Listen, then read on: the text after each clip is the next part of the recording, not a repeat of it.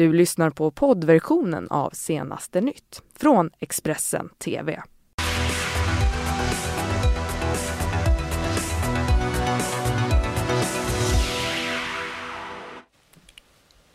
Ja, men då säger vi god morgon och välkommen till senaste nytt här. Vilken dag vi har framför oss. Max Marklund heter jag. Ja, och Ylva Johansson heter jag. Och det här det är morgonens rubriker. Minst 41 döda efter ryska flygplansbranden. Och nytt politiskt landskap i årets första partiledardebatt. Och eldupphör efter en helg av attacker i Israel och Gaza bara en vecka innan Eurovision Song Contest. Ja, det och mycket mer i våra sändningar här förstås. Men vi börjar ju med gårdagens stora begivenhet. Det var ju nämligen partiledardebatt i eh, Agenda i SVT och eh, det dröjde inte lång tid innan partiledarna rök ihop. Det här var ju den eh, första partiledardebatten Eh, efter att vi fick ihop en eh, ny regeringsbildning och ämnena som debatterades det var det som väljarna tyckte var viktigast. Bland annat lag och ordning, jobb och välfärd samtidigt som klimat och miljö och invandring och integration också stod på agendan. Mm, och det tog som sagt fyr direkt i den här debatten Jimmie Åkesson gav en syrlig pik till SVT under eh, sändningen. Piken syftade på efterspelet efter partiledardebatten i fjol när SVT tog, upp, eller tog avstånd ifrån Jimmie Åkessons ord eh, och eh, sen fick man ju backa. Vi ska lyssna på hur det lät i debatten igår. Sen tycker jag att det jag vet inte om man får lov att säga det här i SVT, men då får ni väl ta avstånd sen. Men alltså en stor del av den här brottsligheten vi pratar om här, alltså gängkriminaliteten och i synnerhet sexualbrotten, våldtäkterna, det är importerad brottslighet. Ja, Jimmy Åkesson där, han fick ju något av en huvudroll i det här nya politiska landskapet som sagt, men vi fick också ett oväntat handskak, eller ett handslag. Det var ju mellan han och eh, Jonas Sjöstedt som det stod mellan. Ulf Kristersson, moderatledaren, han var inte sen med att kommentera det här heller. Låt oss behålla de här 6 miljarderna, skicka dem direkt till äldreomsorgen och sjukvården. Jag är med, är ni? Det kan vi göra. Kristersson, du måste få besvara eller bemöta. ja. Ja. Ett handslag mellan Vänsterpartiet innan och Sjöstedt och SD gör upp om hela politiken ja. här. Precis. Nej, man får nya, sen, sen kan man vända här uppenbarligen. Ja, Jonas Sjöstedt och Jimmy Åkesson de står ju eh, trots det här handslaget väldigt långt ifrån varandra. Något som också framgick väldigt tydligt under den här debatten.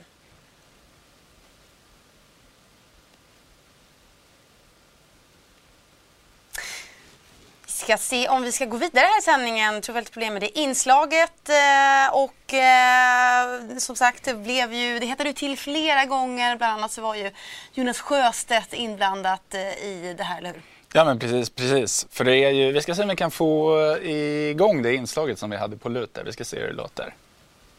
Ja, men det är ett helt nytt politiskt landskap. Eh, och det är uppenbart att både regeringssidan och den blåbruna sidan har problem att man har sänkt skatten så mycket att man har svårt att klara löften om välfärden. Och det bekymrar mig mycket därför att vi har problem med sjukvården, vi har problem med jämlikheten i Sverige. Statsvetare Jenny Madestam hon eh, pekar på ditt stora övertag i frågan om lagen om anställningsskydd. Tycker du att du utnyttjar det enough? Ja, jag tycker att jag pratar om de som berörs och det är ju väldigt många som är oroliga vad som händer när man blir gammal och har jobbat länge på en arbetsplats och man inte har något skydd då, om det blir neddragningar. Och det handlar ju om människor av kött och blod eller den som står upp för sina arbetskamraters rättigheter till exempel. Och det är ju tydligt att regeringen har svårt att försvara sin egen politik på det här området. Men jag ger ju dem en möjlighet att slippa genomföra den, dra tillbaka förslaget. Och var och en av partiledarna fick ju svara på om de skulle fälla regeringen. Hur nära är det i verkligheten idag säger du? Ja, vi har ju sagt att om man lägger fram förslagen om marknadshyror eller om man lägger fram förslagen om att försämra anställningstryggheten, då är vi beredda att ta till ett misstroende. Målet med det, det är inte att byta statsminister, utan det är att regeringen ska inse att den här politiken kan vi inte genomföra. Och känner jag sossarna rätt så är, går makten först. Då sitter man kvar och jag tror faktiskt de skulle tacka oss. De skulle vara lättade om de slapp genomföra den här rena, råa högerpolitiken. Ja, partiledardebatt i SVTs Agenda igår alltså. Vi ska nu lämna den, vi ska hålla oss kvar i politiken. Ja men precis, det ska vi ta och göra för eh, vi får in rapporten under morgonen om att riksdagsledamöterna skolkar från lokala möten. Det här rapporterar nu Ekot i Sveriges Radio. 124 av riksdagens eh, ledamöter de eh, sitter också i kommun eller regionfullmäktige. Men enligt Ekots genomgång så har 10 av de här ledamöterna som sitter på dubbla stolar inte varit med på något möte i kommunfullmäktige eller regionfullmäktige hittills under mandatperioden. Mm. Och i snitt så sitter de här ledamöterna, eller så har de här ledamöterna gått på lite mer än vartannat möte sedan valet och eh, flera har som sagt uteblivit ifrån eh, alla sammanträden. Mm, och där lämnar vi politiken för stunden och så tar vi några nyheter som vi fått in här under natten. Vi kan börja med att en hög med frigolit har brunnit på Södermalm i Stockholm och en, eh, det var alltså vid eh, Tantolunden som det här bröt ut. Och det var många som undrade vad det var som brann och enligt räddningstjänsten så ringde folk som tokiga. Räddningstjänsten menar att det faktiskt såg värre ut än vad det var lyckligtvis och nu så är branden släckt. Mm, och med det så går vi eh, utrikes. Eh, ett passagerarplan från Aeroflot började ju brinna igår i luften och tvingades sen nödlanda på Köpenhamn, eller på Moskvas, säger, Moskvas internationella flygplats efter bara 40 minuter i luften. Och minst 41 personer uppges ha dött och många är skadade och enligt initiala uppgifter så ska också en blixt eh, vara orsaken till den här branden. Mm, och samtidigt så kommer uppgifter om att den här evakueringen av det brinnande planet inte gick så snabbt som den skulle kunna ha gjort eftersom några passagerare försökte att rädda sitt handbagage innan de lämnade planet. Det här säger en välinformerad källa till den ryska nyhetsbyrån Interfax enligt Reuters. Och en eh, statlig utredning är nu tillsatt och åtal kommer att väckas då Aeroflot bedöms ha brutit mot, eh, brutit mot säkerhetsföreskrifterna.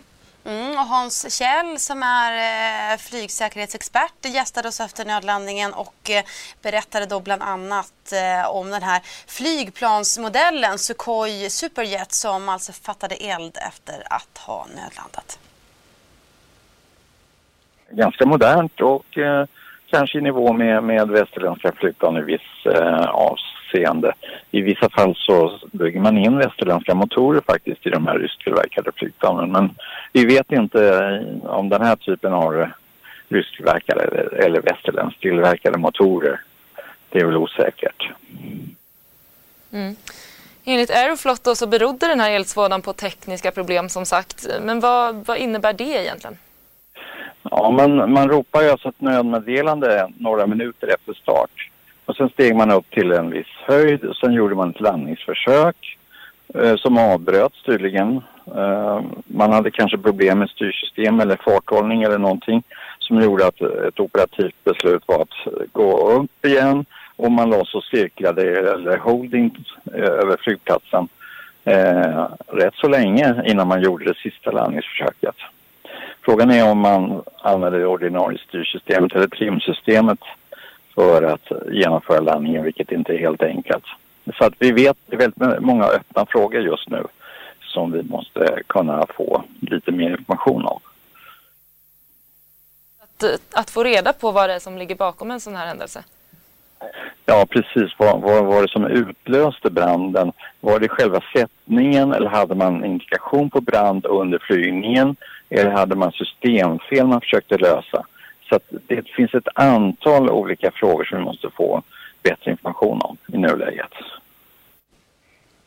Ja, och mycket mer om eh, den här eh, flygolyckan hoppas vi naturligtvis på att få reda på under dagen här vart efter det lider. Men eh, nu byter vi ämne istället. Vi ska till Israel och Gaza där minst 27 personer har dödats eh, under helgen.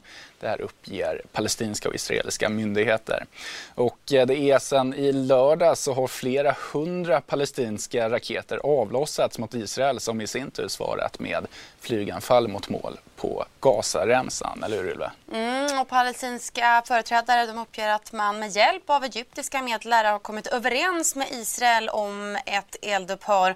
Uppgifterna bekräftas av nyhetsbyrån AFP AFP från egyptiskt håll men har ännu inte kommenterats av Israel.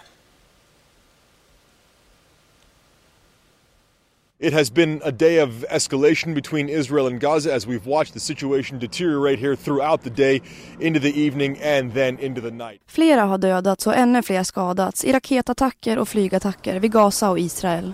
Våldsamma protester har pågått i Gazaremsan i flera veckor men har nu trappats upp. De palestinska islamistiska organisationerna Hamas och Islamiska Jihad har skickat hundratals raketer mot israeliska byar och städer. Svaret från Israel blev hundratals flygangrepp mot Gaza och efter det har attackerna bara fortsatt. Statsvetaren och Israelkännaren Anders Persson menar att framtiden är osäker.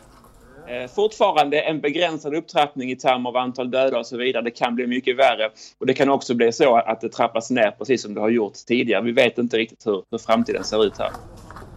Det är flera civila som både dödats och skadats. Men Israels premiärminister Benjamin Netanyahu har sagt åt militären att stärka trupperna eftersom han har lovat att svara på Palestinas raketangrepp med massiva attacker. EU uppmanar att attackerna omedelbart ska upphöra och Sveriges utrikesminister Margot Wallström skriver på sin Twitter att hon stödjer det.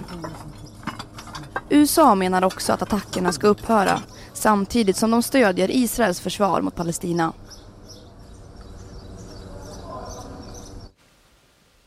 Ja, och under natten så eh, har det kommit uppgifter, eller rättare sagt så har USAs president Donald Trump skrivit på Twitter att Washington till 100 procent stödjer Israels åtgärder. Han riktar sig nu mot eh, Gazaborna när han skriver att eh, de här terrorhandlingarna mot Israel, de bara kommer att ge mer elände åt det palestinska folket. Ja, och eh, i lördags så genomförde Nordkorea ett test av eh, långdistansraketer över Japanska havet vilket eh, övervakades av landets ledare Kim Jong-Un. USAs utrikesminister Mike Pompeo har kommenterat den här händelsen och menar att det finns en väg framåt för att få en kontrollerad nedrustning av landets kärnvapen. We still believe that there's an opportunity to get a negotiated outcome where we get fully ver verified denuclearization. Chairman Kim has repeated that. He's repeated that quite recently, in fact. And so we hope that this uh, act that he took uh, over the weekend uh, won't get in the way. We, we want to get back at the table. We want to continue to have these conversations. Ja, och så har det kommit in eh, uppgifter där också om att USAs förre vicepresident Joe Biden, han har eh, kommenterat den här händelsen också. Han säger att det bästa sättet att hantera Nordkorea, det är att upprätthålla alliansen som USA har med Japan och Sydkorea. The single most significant thing you can do with North Korea is to make sure that we, in fact, are maintain a strong, strong trilateral alliance with Japan and South Korea. Number one, that we're in a position where we have air defense capabilities that are both up close and distant that can deal with the threat of their missiles. Mm, och på nya bilder som CNN visar så ser man när den här raketen skjuts iväg. USA uppger att det rör sig om en ballistisk robot och eh, testet eh, ska också vara det första sedan eh, 2000 17 men det blir sannolikt inte det sista. Eh, bedömare varnar nu för att fler raketer kan komma att eh, avfyras och anledningen ska vara att Kim Jong-Un blivit allt mer frustrerad över läget i samtalen med Donald Trump. Parterna ska ju vara i dödläge sedan Trump lämnade mötet i Vietnam tidigare här i vintras. Mm. Och eh, vi har väl ett... Eh, nej, vi hade, ett, vi hade inte ett inslag på nej. det. Vi kanske får det framöver här. Men eh, med det så tänker jag att vi sätter väl punkt för den här sändningen. Vi slutar på topp. Vi är alldeles strax tillbaka igen, så stanna gärna kvar.